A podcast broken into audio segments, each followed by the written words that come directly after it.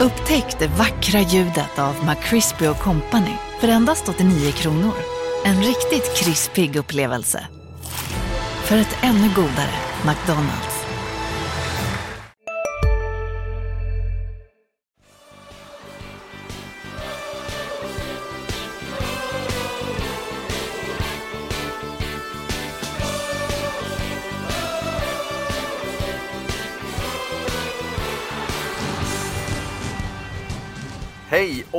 Varmt välkomna till en derbyspecial.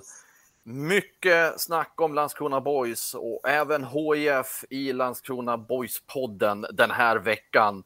Det är mycket att ta igen, det är mycket att hantera och så har det varit värvningar in och halvtid i serien. Med i det här avsnittet äntligen Erik Persson, vår Erik Persson, tillbaka och Marian Svab som kört hårt under hela sommaren.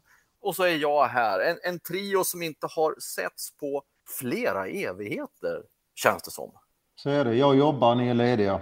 Ja, vi ska komma in på det där hur du har haft det i sommar egentligen, Marian. Det lät som jag var ja, korsbandsskadad. Typ. Du har glidit på internationella scenerna ju. Ja, visst ja. ja, det var lite EM där. Jag saknade superettan stundtals, det gjorde jag. Ja, jag har saknat er och jag har saknat er som lyssnar på oss. Äntligen, äntligen får vi podda igen och vi har så mycket att gå igenom från derbyt och lite annat också framåt slutet av det här avsnittet.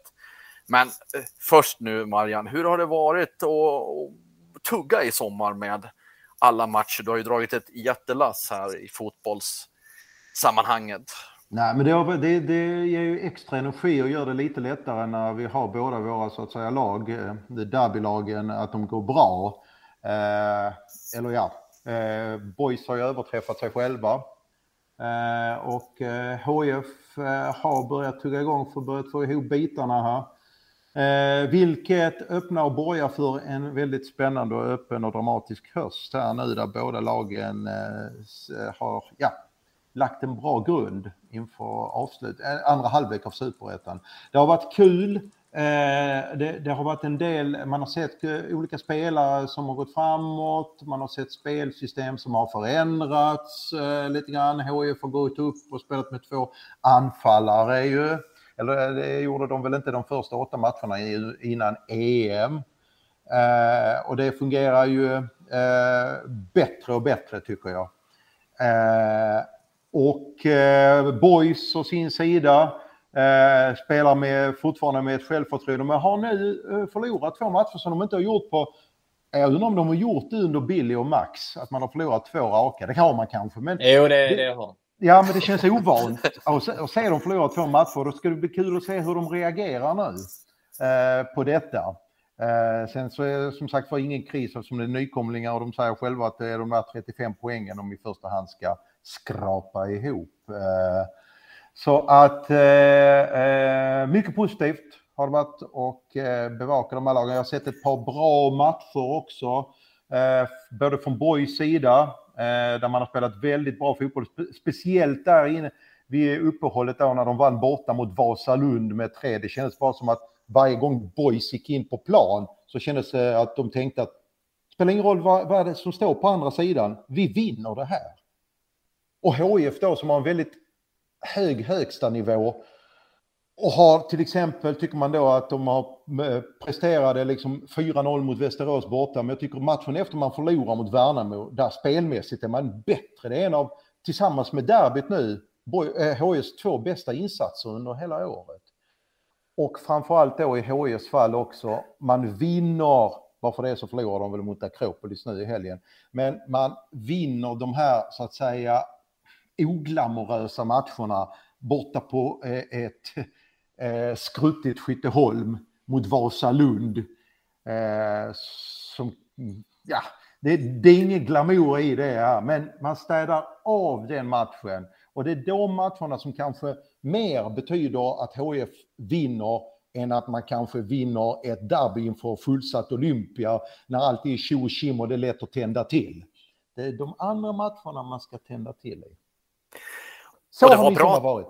Ja, där fick vi en, en heltäckande bild av sommaren, så då kan vi egentligen gå vidare från den och zooma in nu på det som var alldeles nyligen, nämligen derbyt, där det var två väldigt tända lag. Konstigt vore annat när de får möta varandra och får göra det inför publik. 4500 åskådare fick vara på plats på Olympia.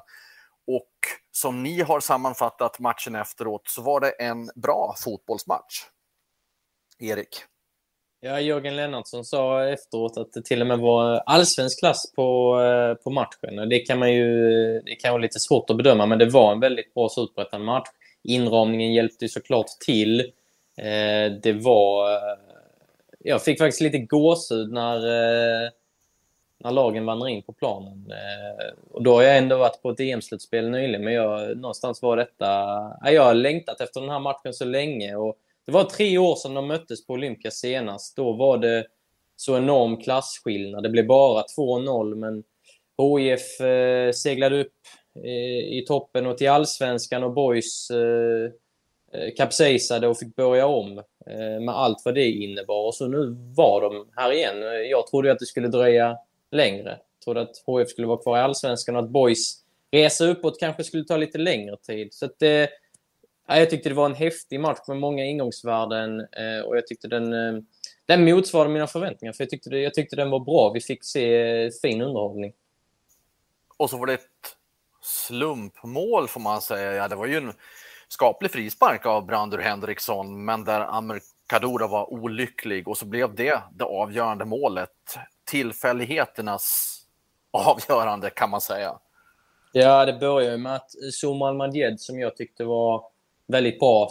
Tog en något onödig frispark när han var uppe med, med händerna på Adam Kajed, som också kommer från Allunda för övrigt. Eh, och så eh, vet vi ju att Brando Henriksson har ett ruggigt tillslag. Han fick ju faktiskt inte till frisparken. Han kom rakt på mål och, och eh, nästan tio gånger av tio så plockar ju Kadura den. Men nu så eh, Eh, blev det ett eh, dråpligt misstag som eh, som väl händer alla någon gång. Eh, jag tyckte det var, det var fint att se eh, Boys eh, ja, men hur de hanterade det. De stöttade honom. Jörgen Lennartsson och, och Anna HF var också framme och, och tröstade honom efteråt. Och det, eh, som sagt, någonstans kan det ju hända alla.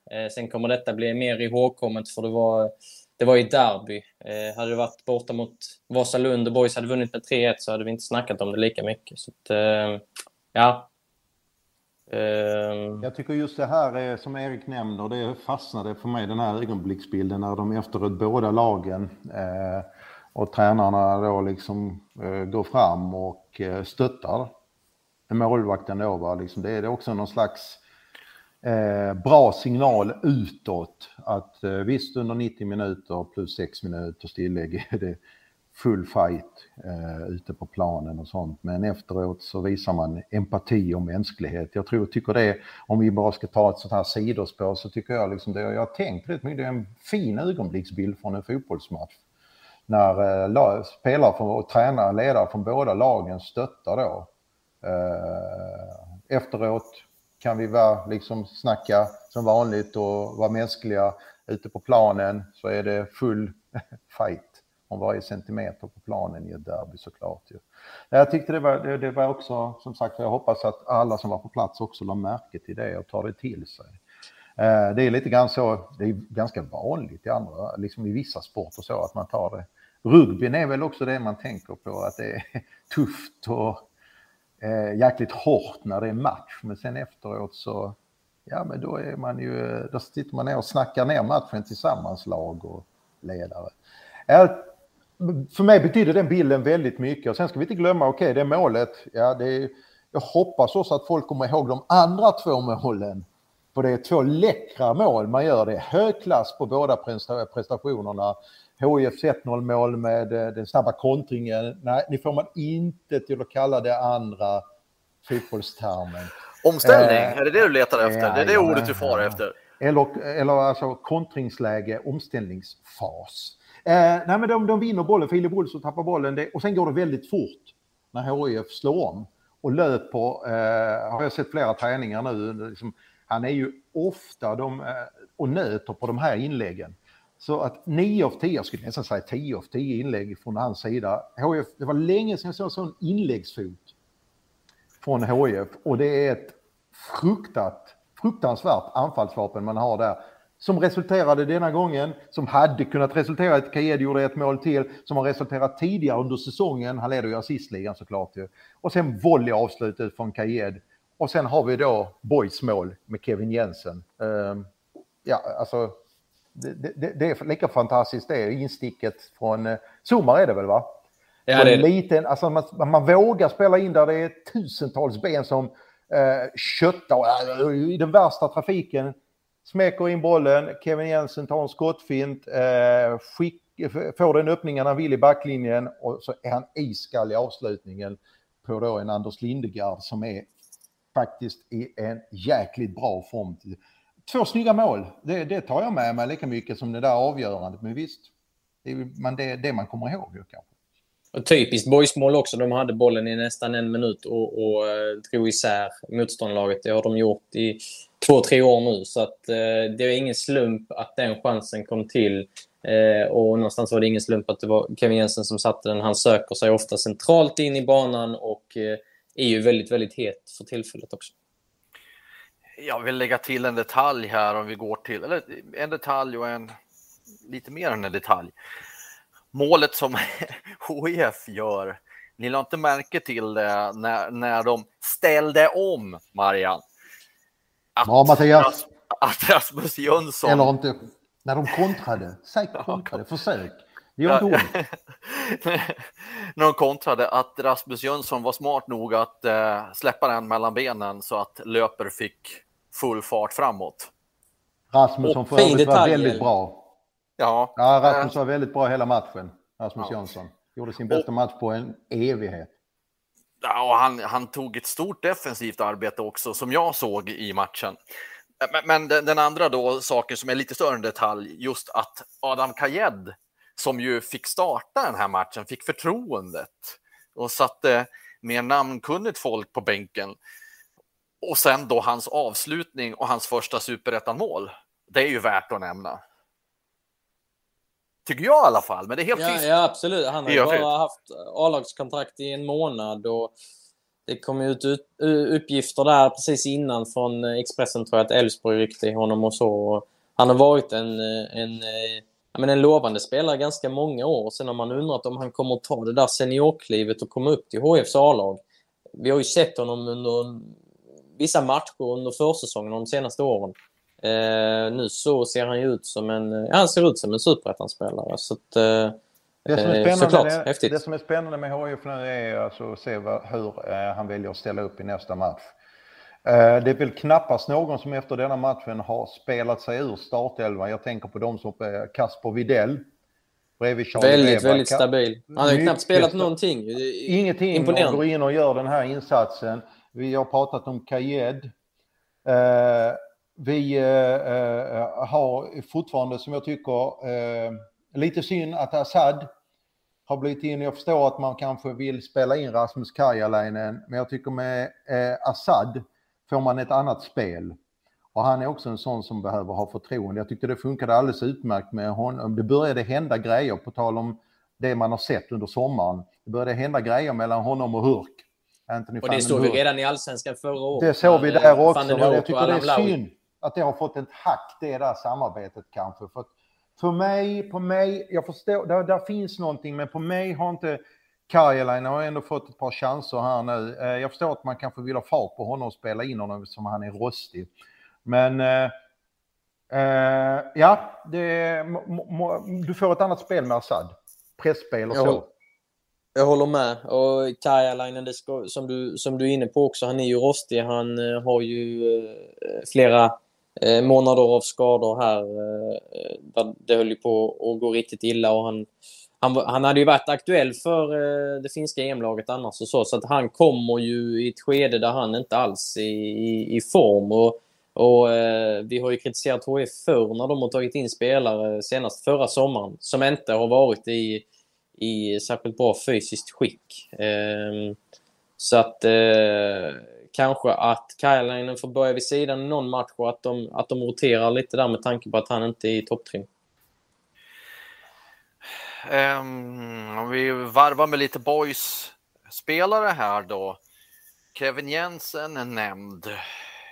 Jag tyckte att eh, en, en spelare som ni har också nämnt, eh, Filip Olsson, men då att hans passning där som låg grund till, till HIFs kontring inte var helt perfekt då, så, så kändes det som att eh, Boys hade behövt ha honom mer i sitt slag än vad han var i den här matchen.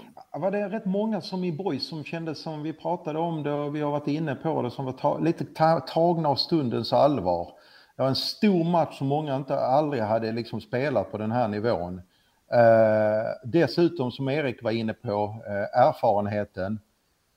HIF dessutom, HIF, de här erfarna spelarna i HIF var verkligen påkopplade, sådana som Rasmus Jönsson som kanske har gått runt och eh, haft svårt att motivera sig i bortamatcher mot de mindre kända gängen. Helt plötsligt så ser han liksom, wow, det här är de matcherna jag brukade spela. Och då tänder han till. Eh, och, och, och, vi såg ju också de som var, eh, Eh, som jag tyckte var eh, påkopplade från minut ett i boys. Det var fan ta mig mittbackarna, ursäkta min svordom, eh, men det var Murbeck och eh, Vilas, Vilstrand. Eh, som var bra från minut ett, eh, vann allt i luften, tog undan bollar. Målet, första målet, inte så mycket att göra åt. Jag tycker inte det är något försvarsmisstag, för det är väldigt bra mål. Under hela matchen tycker jag Murbeck, de plockar ju bort Anthony van den Hurk helt. Eh, och, men då hade det behövts att spelare lite längre fram i planen i Boys hade haft den där dagen för, äh, äh, fler än Kevin Jensen, för jag kände som att han bar hela offensiven i det här derbyt. Eh, Oskar Pettersson, Filip, eh, jag zoomar stundtals var väl bra också på en hög nivå, men han är ju sittande mittfältare. Filip Otto som kom bort rätt mycket. Var han alltså det, det hade behövts vara fler som steppade upp Eh, i, i, andra änden av planen om vi säger så. Under delar av matchen så satt jag faktiskt och sökte lite grann i huvudet. Vad hade, vad hade Linus Olsson, en skadefri Linus Olsson medfört i det här derbyt? Han som river, är som en tanker, sliter och ganska målfarlig stundom också och som var i en bra form innan innan han blev skadad. Jo, men är det med att länkningarna inte funkade med Filip Olsson eh, och eh, Otto, Filip Ottosson då, liksom, det var bara Kevin Jensen, så blev ju också Hofsö ganska isolerad. Eh, hur, många, hur många bollberörningar hade han? Och det, det hör ju till då också att HIF har givetvis väldigt bra spelförande första 30-35 minuterna. Eh, men även när Boys hade tryck, eh, Boys hade väl i alla fall sett under hela matchen hade de väl 20-25 minuter och HIF hade 30-35 minuter och resten var jämnt så att resultatet går inte att säga någonting om. Men eh, just i de där minuterna där Boys var väldigt bra, där tyckte jag, inte där heller tyckte jag Hofse eh, kom med i, i, i spelet.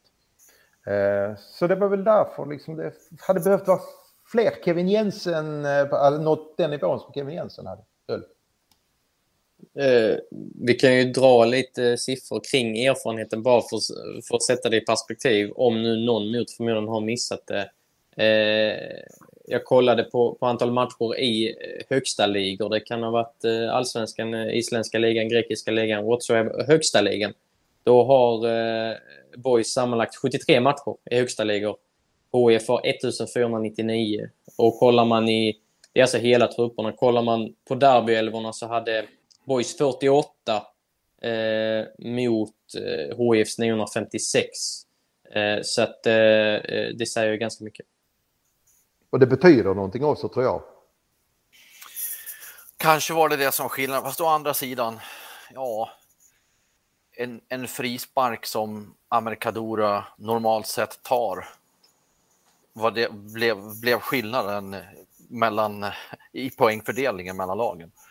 Alltså så som nu, jag har sett om matchen här nu och fått lite nya perspektiv faktiskt. Jag var eh, lite så, ja men ganska kritisk mot Boys första halvtimme och kände där och då i tisdags att HIF käkade upp Boys i princip och Eh, nu efter att ha sett om matchen så får jag ta tillbaka lite. Jag, jag, Boys var inte så dåligt som jag, som jag tyckte där och då. De hade en 10 som, som var spretig och, och slarvig, men eh, det var faktiskt bättre. så att Eh, inte alls orättvist att HF vann med 2-1, men så som jag ser det nu så hade lika gärna Boys kunnat vinna med 2-1 eller så hade det kunnat bli 1-1. Eh, det, det, det, det är min känsla nu efter att ha sett om det i alla fall.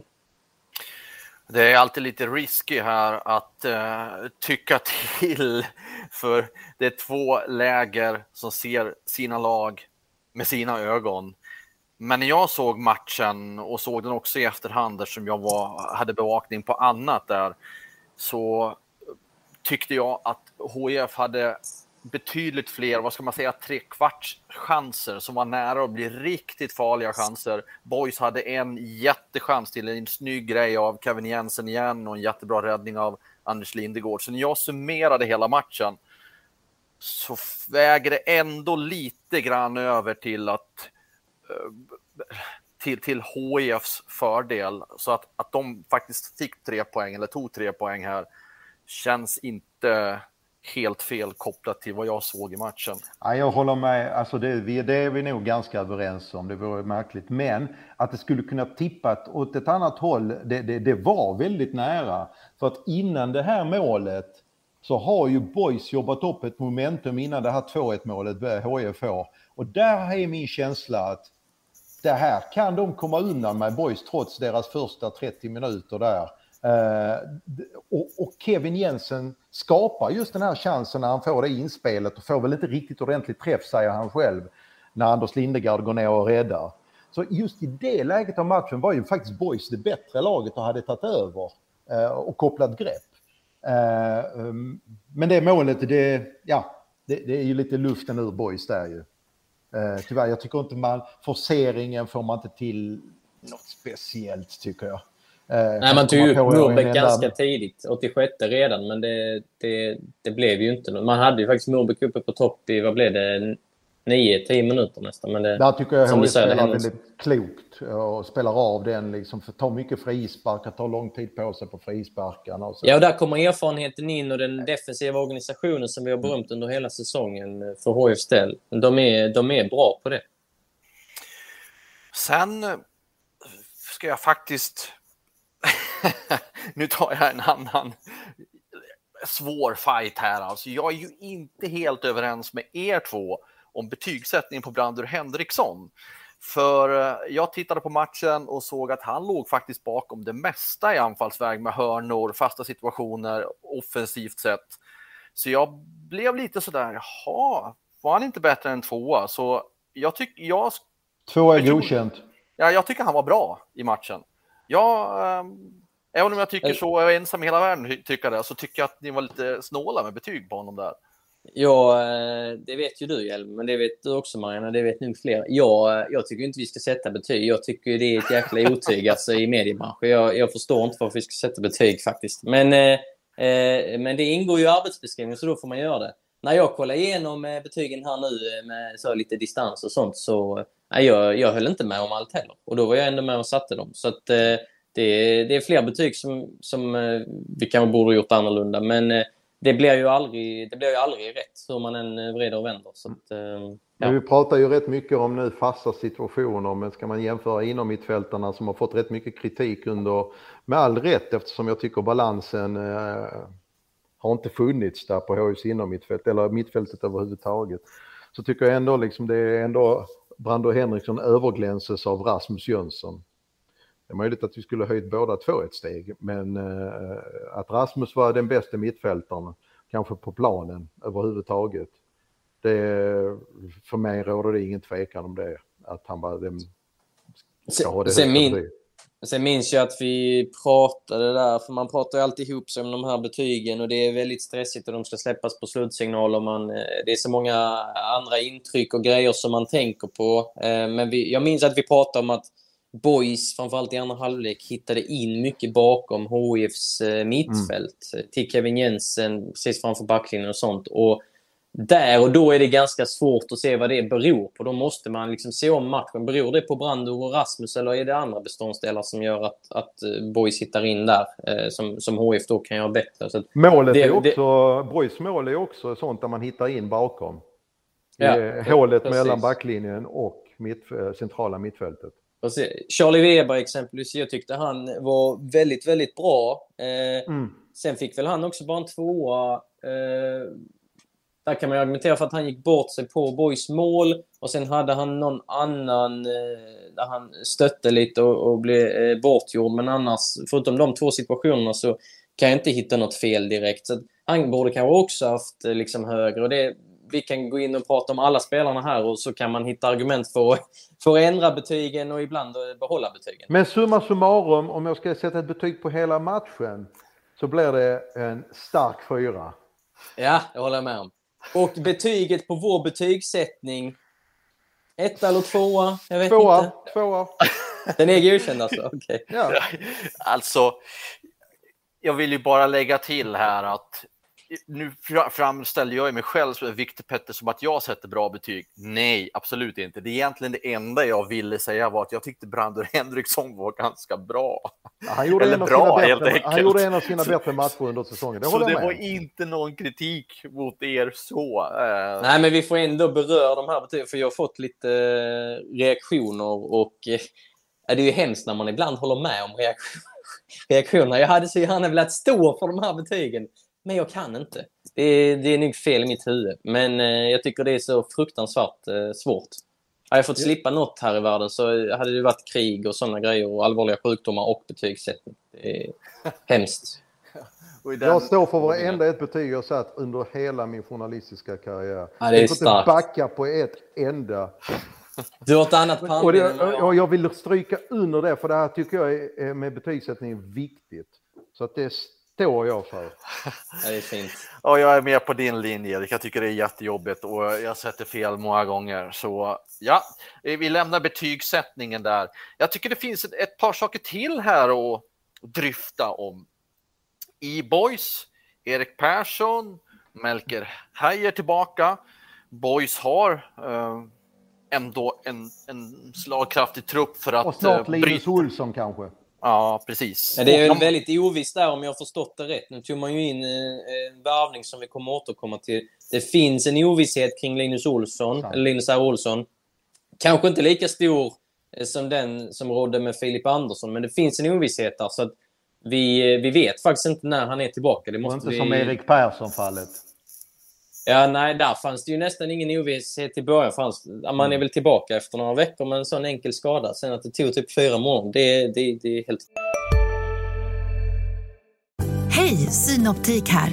Visste du att solens UV-strålar kan vara skadliga och åldra dina ögon i förtid? Kom in till oss så hjälper vi dig att hitta rätt solglasögon som skyddar dina ögon. Välkommen till Synoptik. Ska några små tassar flytta in hos dig? Hos Trygg Hansa får din valp eller kattunge 25% rabatt på försäkringen första året. Läs mer och teckna djurförsäkringen på trygghansa.se. Trygg Hansa, trygghet för livet. Otroligt. Ja, jag vet inte vad som hände.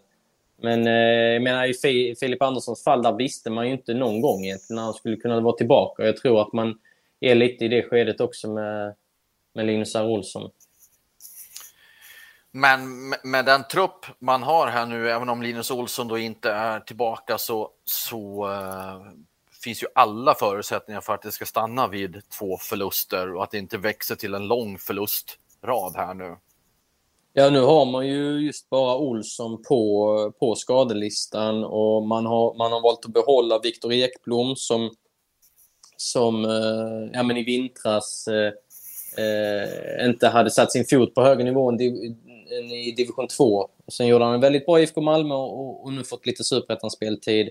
Och nu i derbyt så var ju Johan Rapp var ju officiellt med i truppen men han värmde inte upp under matchen så att han, det måste ha betytt att han var 19 man och Johan Rapp har vi berömt un, eh, under hela året. Så han var alltså 19 man i en sån här, eh, i en sån här match. Niklas Nilsson och Pasi Pruden, som ändå fått en del speltid var inte ens med eh, i truppen alls. Så att, eh, det säger väl en del. De har, de har ganska många namn i den truppen och som sagt fyllt på med, med en spelare till. Så att, eh, sen kommer den ju inte vara så här skadefri liksom under hela hösten. Eh, det kommer ju dyka upp grejer, avstängningar och sånt. Och i HIFs fall, jag tittar på bänken, Viktor Lundberg och Vladislav Kreida. Han har ju suttit där ett antal matcher eh, som, ja, här under sommaren också. Nyförvärvet som kom in då. Det är ju två, två namn som kanske på förhand när säsongen drog igång man kanske inte såg skulle sitta där. Och nu ja, kanske, inte de, nu kanske de inte fryser fast där heller i och för sig. Men ja. det är ju ändå, ändå värt att nämna. Resten av bänken såg ju också väldigt bra ut tyckte jag mot uh, Boys. Ja, Aqua och Dennis Olsson. Dennis Olsson fick väl inte uh, all speltid, vilket Nej. säger en del tycker jag. Och nu kommer ju Tsuka tillbaka, Ravi Tsuka som har spelat samtliga matcher, kommer tillbaka efter sin avstängning som mittback. Så att där finns ju att ta av just nu. Uh, är man ju väl, det är väl bara Viktor Göransson och Jakob Fulkerling Persson som är på den tråklistan, skadelistan. Och det med den, man brukar säga liksom ett tecken på eh, hur, eh, eh, liksom det är ingen garantier, men det är ett tecken på hur eh, stark en trupp är. Det tittar man ju alltid på bänken också. Och det, och det ser man ju också. Jag vill bara säga det att Kasper Widell, som han hade två jättekorta inhopp innan den här matchen och går in och spelar eh, derbyfotboll i 95 minuter och är väldigt stabil. Så det är också ett sundhetstecken och ett tecken på att eh, organisationen sitter och så att man kan stoppa in. Boys har gjort likadant. De har ju bytt, bytt mittlås inför den här matchen och inför andra matcher och det ser, det ser ungefär lika bra ut varje gång. Faktiskt. Och när ni har delgett det här så kan jag konstatera att vi har två nordvästskånska lag som är med uppe i toppen av tabellen med nästan hela trupper och som dessutom har gjort en varsin ja, nu höll jag på att säga blixtvärmning, det är, ju, det är ju sant, men det blir ju en lek med orden där som jag försöker hålla mig borta ifrån. Men de har ju gjort, bokstavligen gjort en varsin blixtvärvning. Eh, ja, eh, det har de. Viktor Blixt, eh, 18 år, eh, högerback från Österlen och Jakob eh, till HF då och Jakob Blixt till eh, Landskrona Boys. Några år äldre, eh, född 96. De är alltså bröder det finns fler eh, bröder eh, där. Eh, bland annat en, eh, en högerback, Oskar Blixt, 22 år, som Viktor Blixt har konkurrerat ut i Österlen. Men nu ska Oskar Blixt få sin chans i Österlen på högerbackspositionen. Deras pappa spelar i Trelleborgs eh, Uefa-cuplag mot Blackburn 94-95 exempelvis. Så det är en fotbollsfamilj. Eh, och det är ju andra klubbar som har, som har ryckt i, i båda de här spelarna. Eh, de har gjort det väldigt bra i ettan. Och Viktor Blixt får en av de eh, mest erfarna i hela ligan som läromästare, nämligen Andreas Landgren på högerbackspositionen. Och Viktor Blix, när jag pratade med honom igår, han var ju också inne på det. Jag ser verkligen fram emot det, att få konkurrera med Andreas Landgren och då framför allt inledningsvis suga åt sig av information, lära sig, inte minst det defensiva arbetet som han pratade om. HIF har ju precis börjat gå. Det är det som är intressant med de här värvningarna med Dennis Olsson då inför säsongen och så nu Viktor. Det är ju att HIF eh, går i, eh, säga, i spåren av Landskrona Boys, det Landskrona Boys har börjat, började på med på en lägre nivå. Att hitta spelare i lägre serier och försöka förädla. Eh, och det är ju intressant, men man ska också veta det och liksom alltså att, eh, hur man ska hantera de här sortens spelarna och att de behöver en viss sorts, ja men ska vi säga, både anpassning till träningssituationen, nya träningssituationen. Eh, och det, det, kan gå jättebra, det kan gå smidigt, eh, men det kan ju också bli så som Dennis Olsson som har fått säsongen tyvärr. Jag hade eh, så, så jättemycket fotboll i honom eh, och gjorde ett kanoninhopp i kuppen mot Häcken om ni minns det på hissingen Eh, gjorde mål där för mig.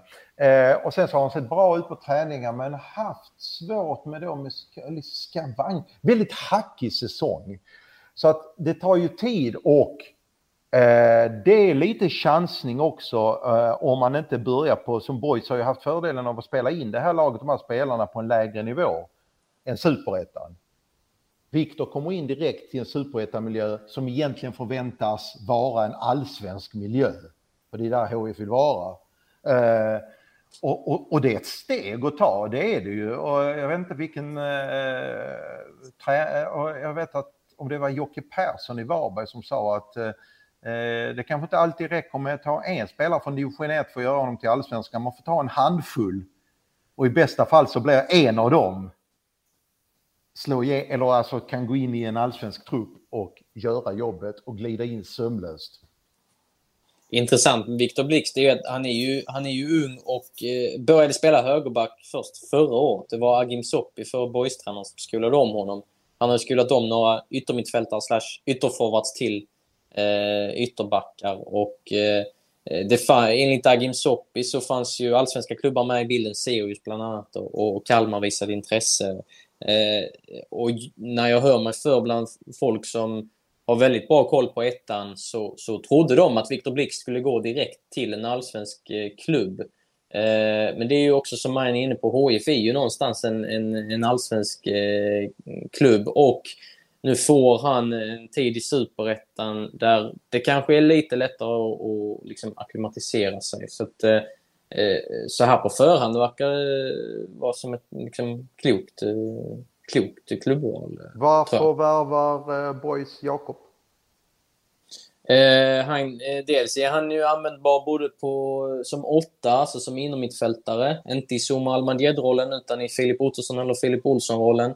Och han kan gå på båda kanterna eh, som ytterforward. Och där, eh, där behöver de lite till. Eh, Oskar Petersson har startat alla matcher utom en, tror jag. Eh, och eh, har, har inte glimtat till i, i, i alla. Eh, Linus R. Olsson har vi varit inne på, skadedrabbad. Erik Persson tillbaka, men han ska ju gå som nia. Victor och Kevin Ekholm... Jensen kan vara på väg bort. Efter ja. denna säsongen. Ja, exakt. och, och Viktor Ekblom har ju kommit in nu några minuter som ytterforward och så. Niklas Nilsson också. De är egentligen också nior och ska ju kanske rimligtvis inte ligga på nivån att de startar. Så att, en användbar spelare som har förflutit i Malmö FFs eh, akademi och gjort det bra nu. Hans två senaste säsonger i Österlen har varit väldigt bra. Eh, och enligt Agim Soppi då, som jag pratade med så, så var Degerfors där och ryckte i honom och, och det är väl någon form av eh, kvitto. Så att, eh, det är en spelare som har ganska mycket i sig, som inte har fått ut allt på seniornivån. Eh, och eh, han ska nu kunna gå in och konkurrera eh, om speltid redan eh, här och nu min bild i alla fall. Är det en eh, poängspelare med tanke på några av de positionerna som du nämnde? Som han ja, på den, på? på den nivån han har varit nu så, så har han varit en poängspelare. Eh, sen har han ju aldrig spelat så här högt för Han har mest hållit till i, i division 2 och varit en vända på college och så. Så att, eh, en bra vänsterfot sägs det sägs, sägs att han är en väldigt bra frisparksskytt också. Eh, och eh, ska, nu vet vi inte om han går mest som ytterforward eller som, eh, som mittfältare, men på, på mittfältet finns ju Filip Olsson som har kopplat samman med andra klubbar också. Så att eh, en, eh, en, eh, en, en långsiktig värvning. Ytterligare en aspekt här nu när vi har tagit respektive lags värvning är ju att fönstret är stängt men det är svenska, ja. Det kan ju ja. fortfarande hända grejer med Danmark okay. och, och, och det så finns vidare. alltid kontraktslösa spelare. Det såg vi i fjol när eh, Skodran kom in med Holly i HF. Skodran, ja. Just det. Det var ju en parentes. Det var ju inte många minuter ja, men det finns spelade. ju alltid så fullt. Det finns ju ännu fler kontraktslösa spelare idag som går runt och letar jobb. Så får man, eh, får man fylla på med dem efter transferfönstrets stängning? Har de inte reglerat det? Har de det? Ja, då, vet, då, inte... lägger, då lägger jag mig platt. Ursäkta så, min okunskap. Tror, så det, tror det. Så det är fortfarande inte säkert då att Anthony van den Hurk kommer att spela hela säsongen och att Kevin Jensen kommer att spela hela säsongen? Nej, det, det är som sagt utländska fönstren stänger ju månadsskiftet augusti-september de flesta och sen är det några som stänger någon, någon vecka in och en bit in i september och så. Danska fönstret är exempelvis öppet och jag kan tänka mig att det finns danska klubbar som tittar på Kevin Jensen. Eh, och det och... ryska fönstret stänger någon gång i februari. det är alltid öppet väl? ja, men det är ju, eh, om man tittar på de här båda klubbarna, eh, Landskrona Boys, sett till den målsättning man har, om man är på väg med råga att uppfylla den, så har man råd, kan jag tycka någonstans kanske, att släppa, och just med tanke på värvningen också av eh, igår, Jakob, Eh, då, tycker jag, då, då, då förstår jag liksom alltså att man känner kanske att man har råd att släppa Kevin Jensen i detta läget om man får en vettig summa. Absolut, för Boys behöver ju pengar också. Eh, medan HIF, ja, det är ett annat dilemma där om det skulle komma även... Jag tycker fortfarande att HIF med tanke på deras förra ekonomi och att de är skuldsatta, eh, lätt för mig att säga ute eftersom man kanske då säljer bort en del sportsliga ambitioner. Men får man ett bra bud på Anthony van den Hurk innan internationella stänger här, då, då, då, då, då tror jag faktiskt att man ska överväga att sälja. Jag, eh, jag är inne på samma, på samma linje och nu har man ju Kajalainen också som, som man kan addera här om man har Assad. Vi vet att han har en eh, ganska enorm skadehistorik men eh, är alla friska så kan det ju bli så att eh, Kajalainen eller Assad bänkas. Det är ju, det är ju eh, ja, men två ganska bra forwards, ska det vara i alla fall, på den här nivån. Så att eh, eh kanske att man skulle kunna sälja honom för en vettig summa, alltså Hurk då, och, och ändå ha ett eh, ganska bra, eller ganska bra anfallsvapen där framme. Ja, och Kevin kommer... Jens... Ja. Jag fortsätter Erik. Fortsätter. Ja, men Kevin Jensen, jag tror, alltså, om jag har förstått det rätt så tror jag att Boys eh, kommer att göra väldigt mycket för att ha kvar honom säsongen ut och ka kanske att om det nu är någon utländsk klubb som säkrar upp hans rättigheter, det sker ju då och då att, att eh, ja, men klubbar värvar en spelare men sen kommer han eh, när säsongen är över. Jag tror att Boys kommer eh, liksom, eh, ja, men jobba ganska hårt för det om det skulle komma ett bud. Att eh, ja, men, men säkra honom nu då, men han spelar med oss säsongen ut. Mm. Och i Hurks fall så är det ju så här att han är 28 år. Han har inte så lång, många år kvar på det. Han måste försöka dra in en större summa pengar på sin fotboll. Eh, eh HF vill förlänga, det vet vi. Det har sportchefen Andreas Granqvist sagt. Men det är ju också så liksom, Anthony har ju som sagt ambitioner. Går HIF upp, fine, då, stannar, då har han, han har ju faktiskt ett år kvar på kontraktet. Men med ett halvår kvar nästa år så får han börja prata med andra klubbar ju. Och, eh, jag kan inte säga att han kommer förlänga eller inte, men att han är intresserad av att få ett stort kontrakt med tanke på hans ålder. Det är jag helt övertygad om att han inte kommer spela för billig peng. Lika billig peng som han gör nu. Jag håller med, det är en helt annan dimension som man får väga in i det och säga mm. att han stannar säsongen ut, HF går upp. Han kan lika gärna lämna till vintern just på grund av det du säger Marian. I Kevin Jensens fall så tror jag, att, säg att Boys skulle gå upp till Allsvenskan. Då tror jag inte han vill något annat än att spela allsvensk fotboll med, med sin klubb, Landskrona Boys. Och han kommer ändå ha tid att tjäna sina pengar sen. Eh, så det är lite olika ingångsvärden. De är i olika skeden i, i sina karriärer. Och Kevin Jensen har ju tydligare band till sin klubb än vad Anthony van den Hoek har. HIF har ju inte, kan, kan ju inte sitta och vänta ut för att sälja vid rätt tillfälle. Uh, sen ska de ha ju bra betalt såklart uh, och inte slänga bort uh, sin alls, eventuella allsvenska plats eller jakten på den allsvenska biljetten för en spottstyver för kaffepengar. Då gör man rätt i att behålla honom om man bara får en massa skamben såklart. Ju. Men kommer det ett vettigt marknadsmässigt bud så, vet, så ska man nog överväga att sälja tror jag. Ja, vi får återkomma i ämnet Hurk Jensen, vad det lider.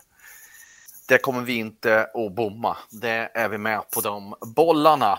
Men jag sitter med ett stort block här framför mig. Vi ska hinna få med en annan spännande, spännande ja, vad ska man säga, historia. Ser ni vad det står här? Nu vinklar jag upp det i kameran för Erik och Marian. Ja, du har tabeller där. Ja, halvtid i superettan. Mm. Håll i hatten nu.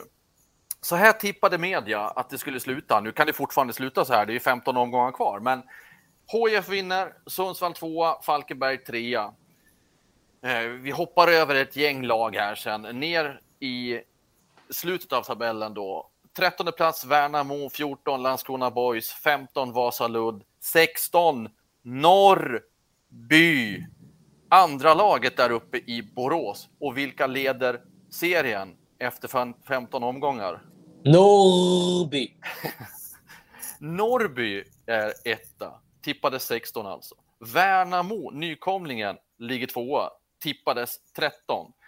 Boys, trea nu, tippades tredje sist. Det är rena upp och nervända världen. Hinner det, det, här? det är HIF är fyra, så de motsvarar förväntningarna bäst då, kan man säga? Eller? Ja, det kan man, det kan man säga. Eh, för de ska ju vinna serien och det kanske de gör till slut. Men kommer, kommer tabellen att vändas rätt? Och jag blippar med fingrarna här innan serien är slut. Knappast, va? Jag tror inte Norrby blir sist alltså. Jag tror inte Värnamo blir, vad var det, 13 Jag tror inte Boys blir på 14 plats. Så att, eh, det är som vanligt, de här tipsen blir... Nej, de blir aldrig rätt. Det är som med betygen. Det, det blir aldrig rätt. Men vad vore, vi hade saknat kryddan om vi inte hade fått gissa lite. Ja, Ja, absolut, ja absolut. verkligen. Men, Ja. men man måste ju ändå få, få credda och så länge Norrby håller det här, det är ju vansinnigt imponerande ändå. Och Värnamo Boys nykomlingar, att HIF är där, det ska de ju vara. De har ett par spelare i Norrby som, flyger, som gör sig till att laget flyger, som är inne i zonen nu. Eh, Värnamo har ett bra grundspel, det såg vi på Olympia. Det var fullt rättvist att man vann där i en väldigt bra fotbollsmatch för övrigt. Nu, tapp, Men nu tappar tappar man man ju Tappar de väl lite spelare? Ja, till Ja. Blåvitt. Men man får in en bra spelare. Man lånar in Hugo Andersson från MFF som ersättare. Som, eh, Sen ska vi inte glömma det laget som jag tycker är otroligt stabilt, som har varit där liksom, som kommer vara med, som bara tuggar poäng. Eh, Har de en dipp så är den, så är den inte speciellt stor. Det är ju Trelleborg. Eh, Jag tyckte de var imponerande i derbyt, hur de utmanövrerar HIF där. Och de tog väl också in lite folk igår, va? Mohamed Sayed från Sirius Det är som var inget- det är straff, inget- straffkung i Allsvenskan förra året. Eller i Ja, men det, är Sirius. ingen, det är en jättebra värvning på den, på den här nivån ju.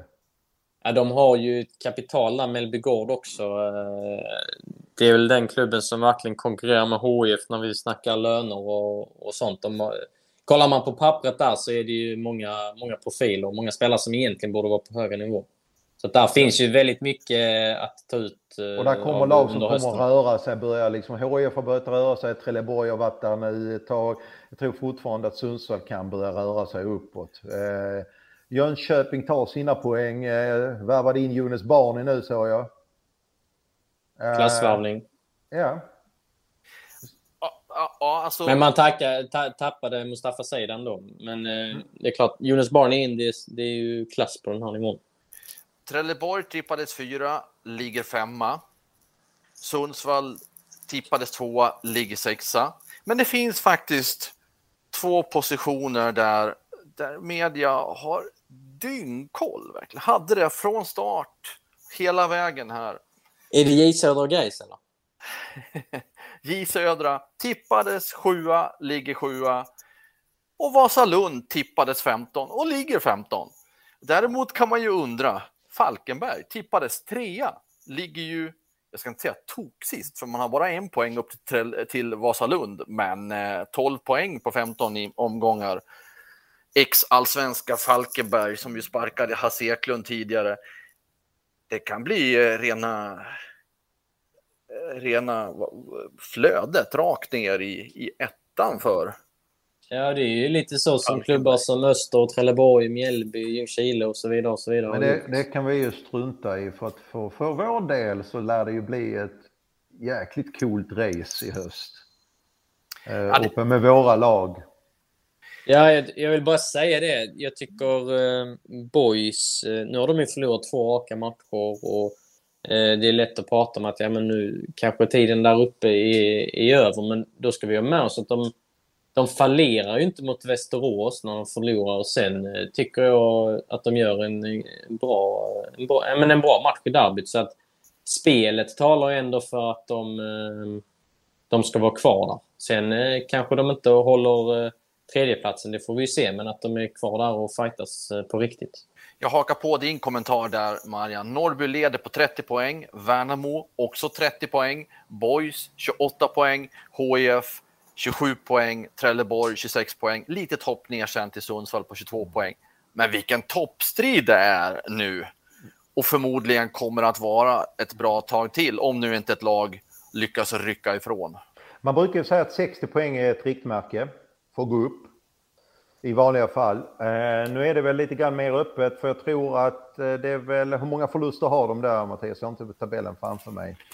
Ja, nu har jag inte skrivit upp det här, Nej, men det är men... väl tre förluster. Jag, jag, säger tre här och så kollar jag upp det snabbt men för att säkerställa. Men ändå, säg tre poäng mindre.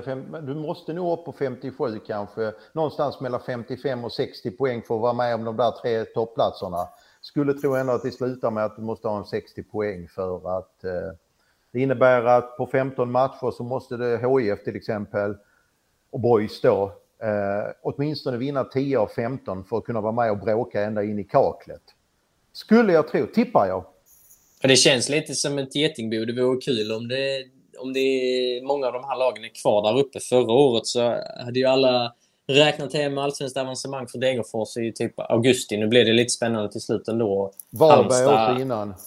Ja, Halmstad vann, vann ju faktiskt eh, Superettan mm. förra året, men, men eh, då kändes det någonstans ganska länge eh, Eh, ja, men, solklart vilka som skulle, skulle ta de där första platserna. Nu så eh, ja, är många lag om det känns det som. Det här kan nog faktiskt vara en eh, så att vi sitter där i en slutomgång i eh, november är det väl?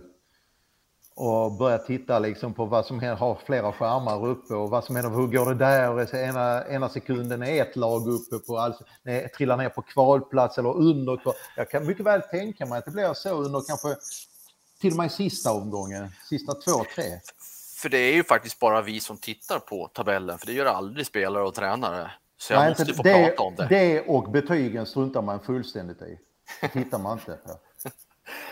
jag ska bara säga det kort och gott också att Norrby, Värnamo, Boys, Trelleborg har alla tre förluster var. HIF har fyra förluster. Mm. Ja, och HIF bröt en trend nu att man äntligen slog ett lag som ligger ovanför dem i tabellen. Eh, det har man inte gjort tidigare under säsongen. Ja, eh, vi börjar närma oss slutet. En liten blick framåt här bara. Eh, HIFs kommande spelprogram Eh, Akropolis borta på lördag. Sen har man, och nu pratar jag all, i allsvenskan, nej, superettan pratar jag.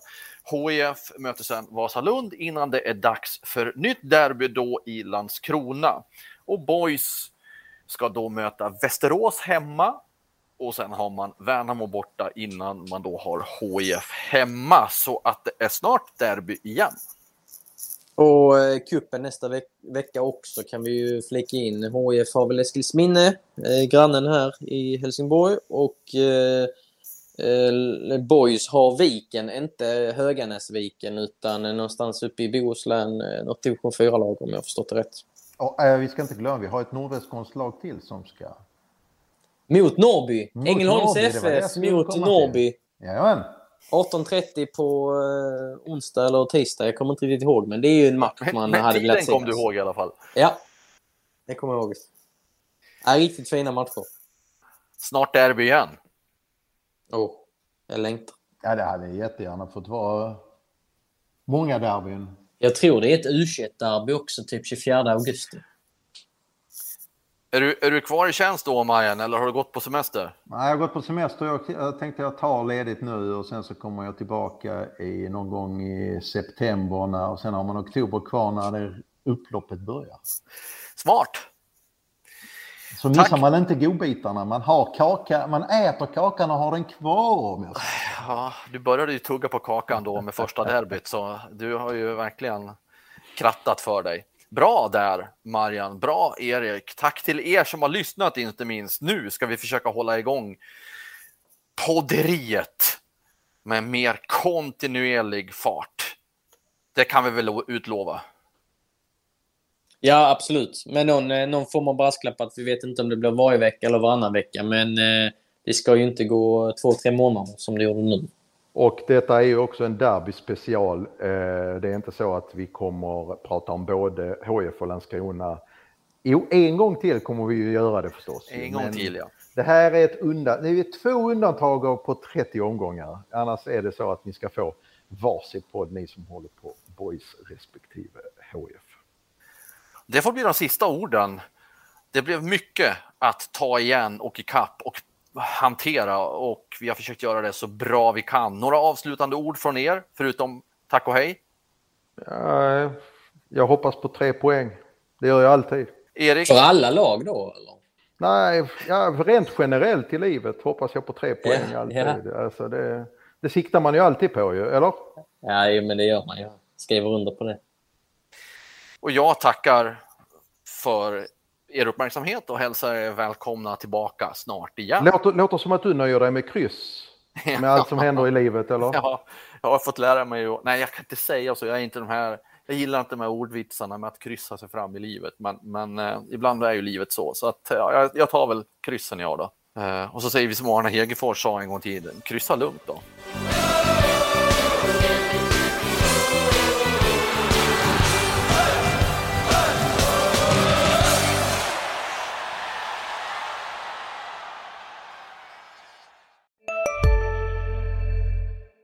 Dagens vinnarprognos från Postkodlotteriet.